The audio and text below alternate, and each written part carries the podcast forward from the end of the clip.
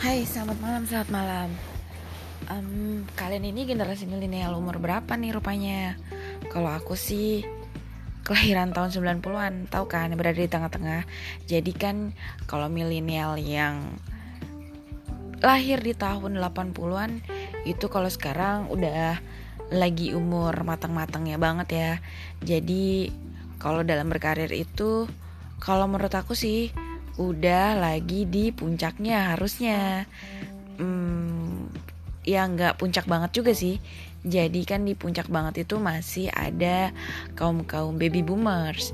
Nah habis itu baru ada tuh kaum kaum kaum milenial yang pertama.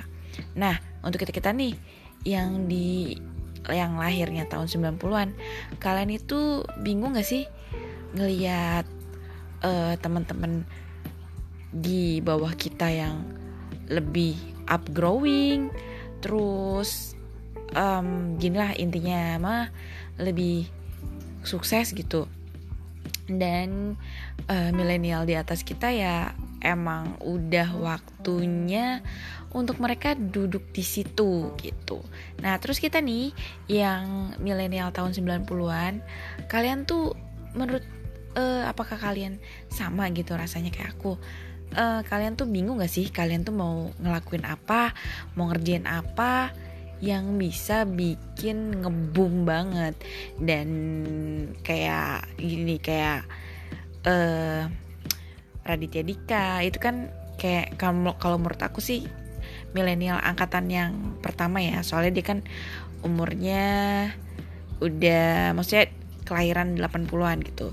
Nah, terus si Ata Ata ini kelahirannya 90-an 95 lah. Nah terus kayak si Prilly itu kan uh, 90-annya tuh udah agak banyak banget gitu ya.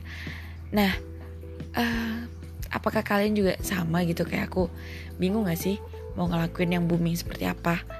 Nah terus um, kalau misalkan kerja nih kalian tuh maunya kerjanya tuh di mana gitu? Ataukah pengen buka usaha sendiri? Nah terus um, kebanyakan dari kalian tuh uh, sebenarnya real life-nya itu maunya tuh ngelakuin apa gitu? Kan kita emang udah terjebak sama situasi udah jadi karyawan gitu ya. Tapi kalau mau diputar ulang lagi kalian tuh sebenarnya mau ngelakuin apa gitu